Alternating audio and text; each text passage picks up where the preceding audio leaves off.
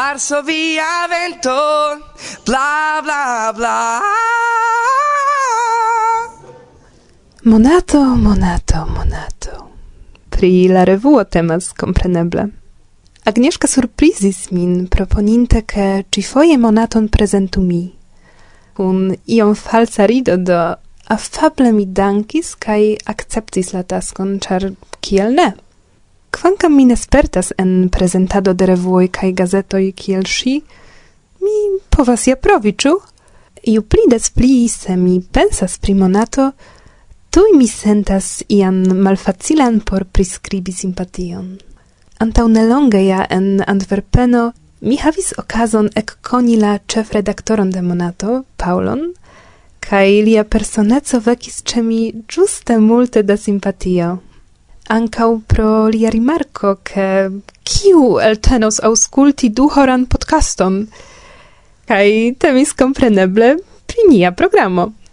Ridetis mi tiam kashe char fakte li ne estis unu nura kiu tion diris, kai poste evidentigis ke tamen tio eblas.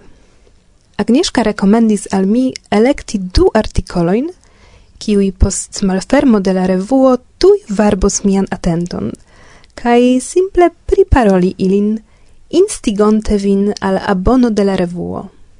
Estas en la pola kulturo proverbo, ke katon kashitan en sako oni ne rekomendas aceti. Pli bone do unue vidi la katon, kai tion facile vi povas solvi. Suficias scribi al redakcio de Monato por ricevi prof exempleron de la revuo. Kaj la katon tiam vi vidos. Provu tion inter alie, char placis al mi resumo da Agnieszka, kiam si parolis pri la pola esperantisto, ke sur ni estas respondeco, ĉu la gazetaro esperantista travivos? Au pereos pro manco de interesigio upi. Fakte same mi opinias. Esperanto estas kiel bela floro. Nia tasko do estas sorgi pri ĝi, nutri ĝin per akvo de nia interesiĝo kaj aldono de mineraloj al la tero, purigi ĝiajn foliojn, por ke ĝi ĉiam aspektu bele. Monato aspektas bele, laŭ mi, ne nur pro taŭgaj kaj interese elektitaj bildoj, sed ĝenerale – Mi ne hontus presenti gin inter miei ne esperantistaj char gi mal malmodernas au io tia. Do la revuo papere certe povas servi kiel trafa vizit karto de nia culturo dum diversai malfermai tagoi, kiam cie en la mondo ni informas pri Esperanto. Krome, se iu konas nian lingvon, gi prezentas fakte interesan kaj taŭgan temaron, vere Ancau impresas min, che al monato vercas homoi el la tuta mondo, kai tio pri kio en interviuo presentita en la cent quindec unuel sento diris Paulo, la chef redaktoro, che pri la politicae aferoi scribas homoi kiui vivas en la priscribata regiono. Tre trafa ideo! Kiel humanistino kai diplomigianta filologion Compreneble mi giuis unue la parton dedicitan al literaturo kaj libroj, sed mian intereson vecis ankaŭ informo pri rezultoj de censo farita en Slovaka Respubliko en 2021. Gi montris ekzemple, ke la rom-katolikan Credon confessas tie quindec quin como hoc procentoi de la logiantaro, cio compare al statistico el du mil dec unu presentas mal crescon je 7%. En Pollando oni organizis similan censon en la lasta jaro, sed la rezultoj ancora ne estis prezentitaj. El la politicae temoj interesa por mi evidentiĝis artikolo pri la litova komerco blokita pro Tajvano. La artikolo informis min pri vere streĉaj rilatoj inter Cinio kaj Litovio – pri kiui pli frue mi ne sciis. Same kiel articolo pri portreto de la germana presidento kaj kresko de naciisma partio en Irlando. Permesu tamen al mi, ke mi ne prezentos al vi electitain fragmentoin. Mi opinias, ke kiu shatas, tiu klopodos akiri la revuon. Anstatau tio, eble mi diros kio mankis al mi, almenaŭ en tiu eldono, char la aliajn minur vidis, sed pro tro multe da profesia laboro mi ne eksciis ilian enhavon, pardonu. Mi shatus trovi en monato exemple felietonoin, eble similai al tiui kiujn verkas Istvan Ert por kontakto. Krome flame mi akceptus la sciencan sekcion, kiu priparolus la plej novajn esplorojn en ĵurnalisma formo. Eble tiuj artikoloj estis en la antaŭaj eldonoj, sed kiel mi diris, mi eksciis nur la aprilan. Resume, monaton mi trovis pli interesa ol pli frue mi imagis. Dankon Agnieszka pro la tasko, ke mi priparolu la revuon – sed antau cio dankon al vi, Paulo, kai al vi ciui, kiui occupigas pri existo de la revuo. Nun mi comprenas, kial kelkai jaroi antaue, post annonco che la revuo mal aperos, la esperantistaro flame contraustaris finon de gia existo. Valoras che monato existu, sendube. Gosia.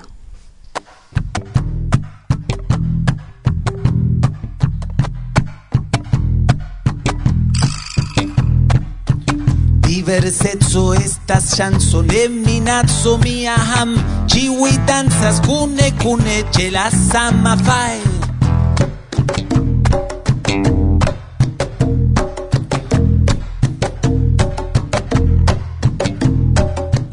Mondo, mondo, la landlimo, la milito, la malsat. Inne plu bezonas tion kiam tiu tas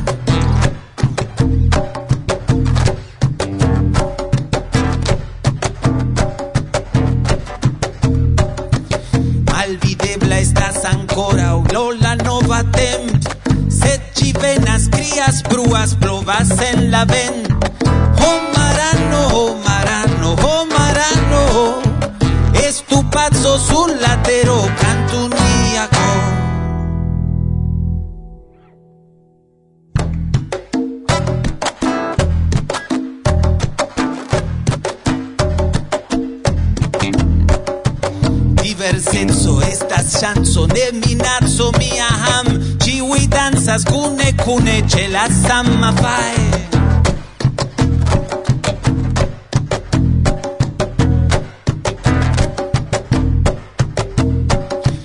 Mondo, mondo, la milito la la malsat, ni ne plu bezonas tion kiam tiu tago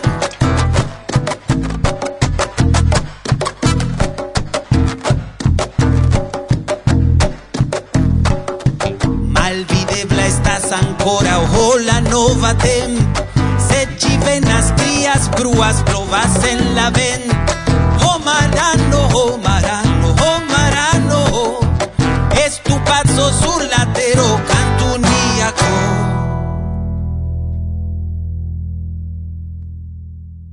Varsovia vento.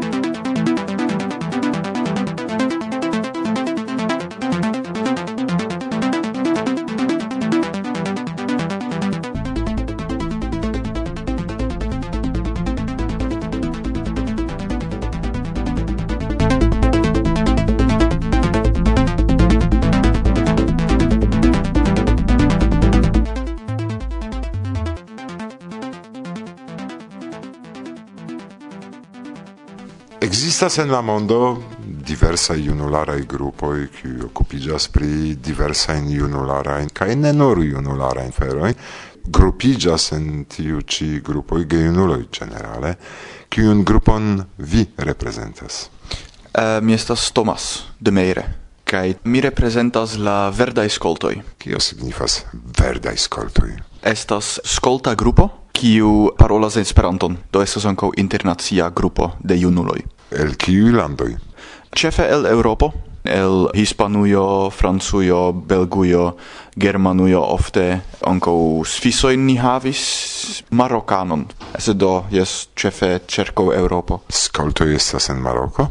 Yes, skoltoi vi trovas presco cie, sed uh, nia grupo estas speciala en la maniero ke ni serchas esperantistajn infanoin do denasculoi kaj infanoi kiu de jun age lernis Esperanton kai tiam ni kunigas ilin kai instruas skoltumadon al ili do ne estas skoltoi komence sed ili simple venas kai ni skoltigas ilin. Aha, do unue mi komprenis, ke temas pri skoltoj, kiu estas skoltoj ie en siaj landoi kai decidis grupigi en skolta internacia esperantista grupo. Ne, um, estas iu alia organizo SEL, kies celo estas esperantigi skoltajn grupojn, sed tio ne tiom bone funkcias. Do kreinto de nia grupo, Valer Dumont, pripensis, a, ah, eble mi povas fari la inverson – skoltigi esperantistoin, ansato esperantigi skoltojn kai gis nun tio havas suffice grandan sukceson. Kiam da membroi nombras uh, la verdai scoltoi Do esas malfacile por meti certan ciferon, sed mi povas diri kiom da homoj venis al tendumadoi, la cefa programo de la verdai scoltoi Uh, somere ni estis dec ses ope, kai la somero anto tio dek kvar ope. Hmm, do suffice granda grupo Kiai estas ideoi, planoi, kai maniero de via activezzo? do la ideo originale estis che ni lernu viv capabloin do ja igiu mem starai homoi scoltoi cioè ne kai nun la celo estas transdoni la povon alla nova generazio de estroi eh, inclusive mi che la proiecto plu crescu kai pli grandigiu do la moto la dirajo de la verda escolto estas ni crescas kai tio havas plura in signifoin ni crescas persone ni crescas kiel grupo nia kulturo au nia organizado ankaŭ crescas kai Kai se iu skolto auskultas nin nun, kai ancora ne aliĝis al iu ein grupo, tamen konas Esperanton, ĉu povas kontaktigi kun vi kai al igi? Uh, eh, yes. Do, ja, la celo estas skoltumi en Esperanto, kai se esperantistoi jam estas skoltoi, tio estas pluspunkto, do ili povas helpi kai jam stias pli malpli cion se tamen povas havi la ĝuon de skoltumi en internacia grupo uh, etoso kai estas tiu kiu ancora ne estas scoltoi al kiu ni devas instrui esti scoltoi. Kiam tio cio komenciĝis? En 2012 en uh, Rose estas iu eta vilaĝo en Valonio kai ni estis eh, uh, nau ope mi pensas kun Valer kai uh, eh, kelkai esperantistaj junuloj de Germanujo, Belgujo kai Francujo. Tie la grupo crescetis kai ni restis cefe kun tiuj membroj kai aldonigis eble unu aŭ du por kelkaj jaroj, sed tiam ni allogis pliajn kie. Um, en esperantaj aranĝoj uh, eh, Noro kaj Ref la rencontigio de esperantai familioj. Kiom ofte vi rencontigas? Ĉu nur unufoje somere? Ĉu vi havas iujn virtualain convenoin rencontigioin? Ĉu vi formas organizon oficiale? Aŭ vi estas simple grupo kai estas iu ĉefo? Do, antoe, esti simple iu grupo centrita ĉirkaŭ Valer, kiu gvidis cion, sed ni tiam faris asocion kun presidanto, kasisto, sekretario kaj tiel plu kai tio estas kelkai plenkreskuloj helpantoj kiuj eh, organizas tion kaj zorgas pri la mono kaj ĉiuj financaj ja Do tamen iu plenkreska persono ciam venas kun vi, do tio signifas ke iu patro au patrino devas esti proksime, ču? Uh, eh, ne, do ni havas la estroin, la respondeculoi, kiui zorgas pri la infanoi. estas kiel en via propra lando che vi povas sendi vian infanon al iu tennumado o iu organizajo kai vi ne devas zorgi surloke sed kelkaj gepatroj shatas resti en la proximezzo kai onko iam eh, uh, gepatroj estis helpantoi sur loke kun kuirado kai tiel plu kio pli faciligis por ni fari aliain aktivaĵojn char kuiri ciu tage prenas multe da tempo. Jes kompreneble do mi revenos al tiu pli frua demando kiom ofte vi renkontiĝas, ĉu vi renkontiĝas virtuale? Nun tempe, uh, eh, dum la corona tempo, ni nur successis rencontigi nur unu foie jare, do la tendumadoin, sed antoe, kun la pli proxima grupo cerco Valonio, ni onco plur foie jare faris semain finoin momente ni ne organizas tui afero iniare jare, se tio ja estas la plano por la futuro. Tio signifas ke vi ne renkontiĝas eh, virtuale. Ni faris tion de tempo al tempo, dum la corona tempo, sed antaŭ tio tutene. Kai kiel aspektas programo de tiu ci renkontiĝoj? Ĉu homoj nur venas kaj amuziĝas ekde mateno ĝis vespero, kantas kaj iras dormi, ekskursas, aŭ estas io pli? Mm. Do mi povas diri la pasintanten numadon, estas bona ekzemplo.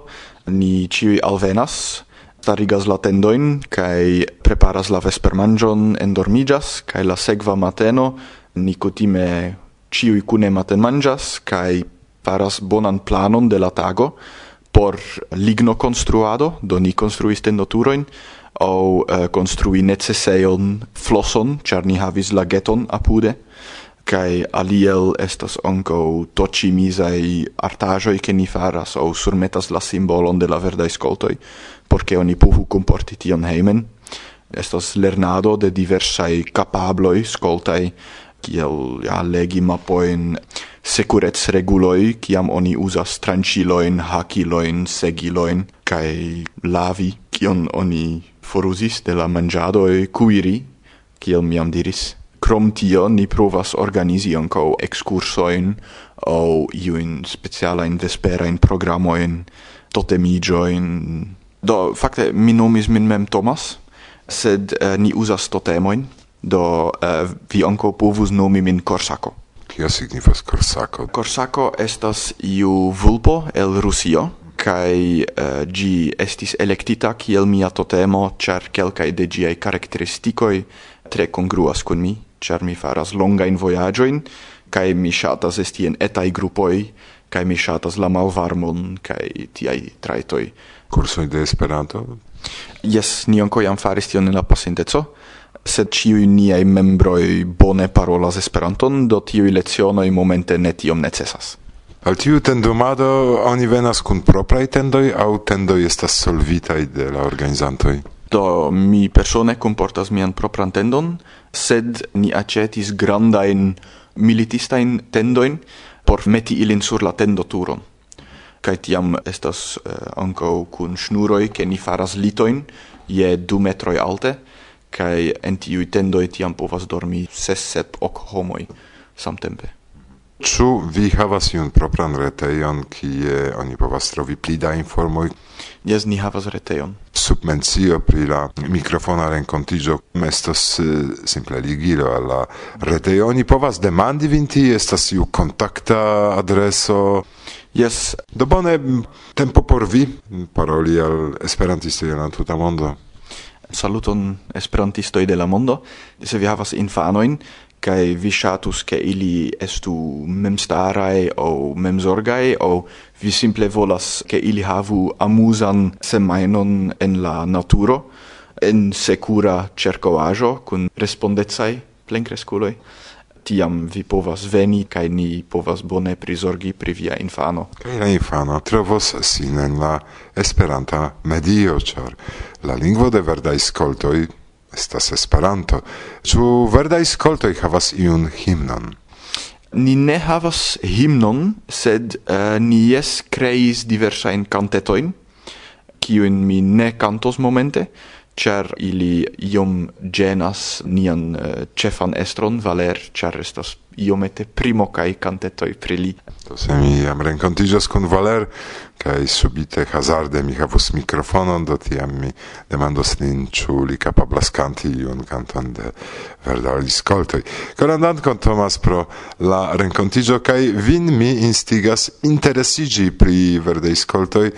Ec se vi ne desiras esti verdascolto, char vi havas sesdec jarojn, ĉu ne? Do tiam eh, vi povas au ia maniere subteni la ideon, au kontaktiĝi kun la verdascoltoj kaj demandi kion mi povas fari por vi, ĉu ne? Koran dankon pro la intervju. Volonte, bla bla bla.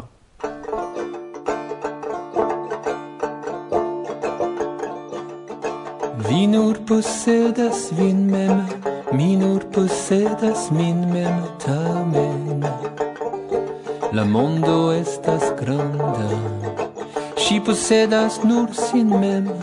Li posedas nur sin mem tial. La mondo estas por ĉiuj. Nenio en la mondo. Valoras pli ol amo. ne nio en la mondo. Kiel la ridanta infano. Kio vivas en mi kion mi vidas en vi. Estas la bela vivo ĉio estas amo. La birdo kaj la canto odoro de la floro ĉio kio spiras volas resti en paco. Nenio en la mondo valoras pli ol amo.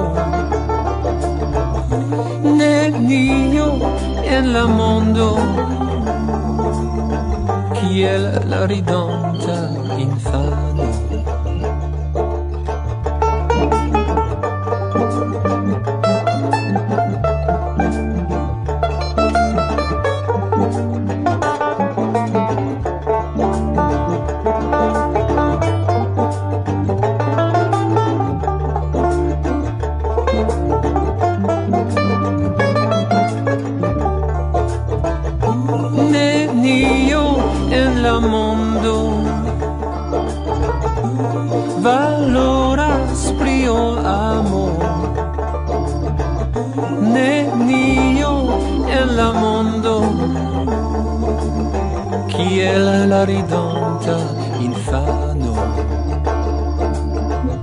Kio vivas en mi, kion mi vidas en vi, estas la bela vivo, cio estas amo. Kio vivas en mi, kion mi vidas en vi, estas la bela vivo, cio estas amo. Cio estas amo, cio estas amo, cio estas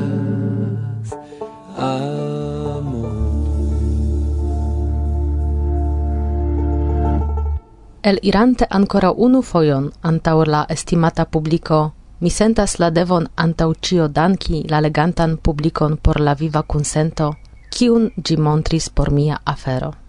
La multai promesoi, kiuin mi ricevas, cae el kiui tre granda parto estas sen condice la leteroj cun curagigoi au consiloi, cio tio ci montras al mi, che mia profunda credo iel homaro min ne trompis.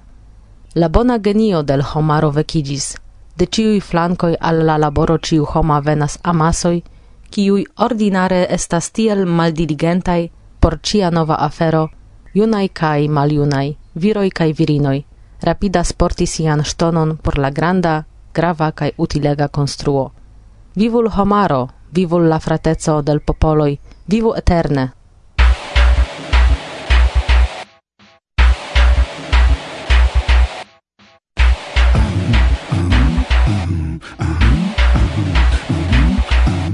Kaj jen cio, kion ni preparis al vi por ci programo. Esperu ni, ke baldaŭ kun eh, pli varma majo venos ankaŭ pli vanaj informoj. Hmm. Esperu ni. Yes.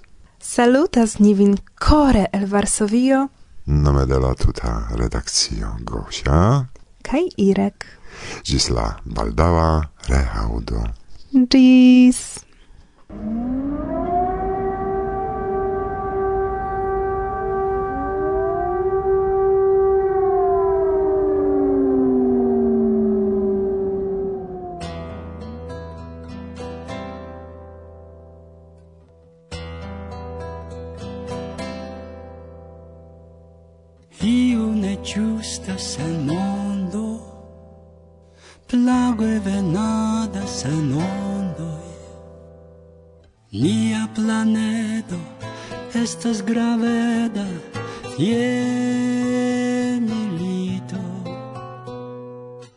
kovras fumego ĉielon, lasis nin ĉiujn anĝeloj. Noktoj malvarmai preĝoj kaj larmoj, sango kaj svito Io ne giusto mi sentas, mancas al mondo prudento ia ciam homa genio inventas potenza in armiro. Milito milito. Post longa noct matenigas multai neni Contra la bomboi staras kolomboj Helpu nin Dio. Kiel eleta infano Crescas cruela tirano. Io ne giustas, io ne justas, hom tragedia. amiko Ja mal sukcesas politiko Ja oni bombas denove Ja ogni murdas denove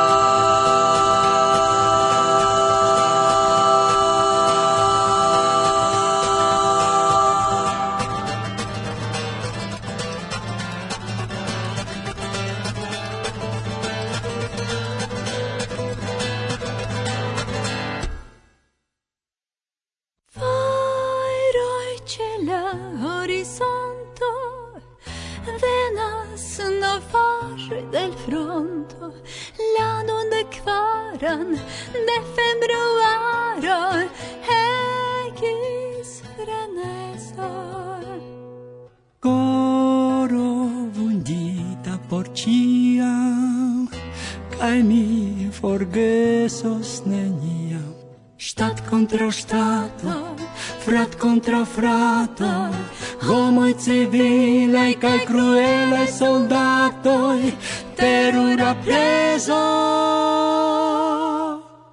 Mariupol, Kherson, Kostomel, Militopol, Berdiansk, Chernihiv, Kharkiv, Суми, Izium, Ірпінь.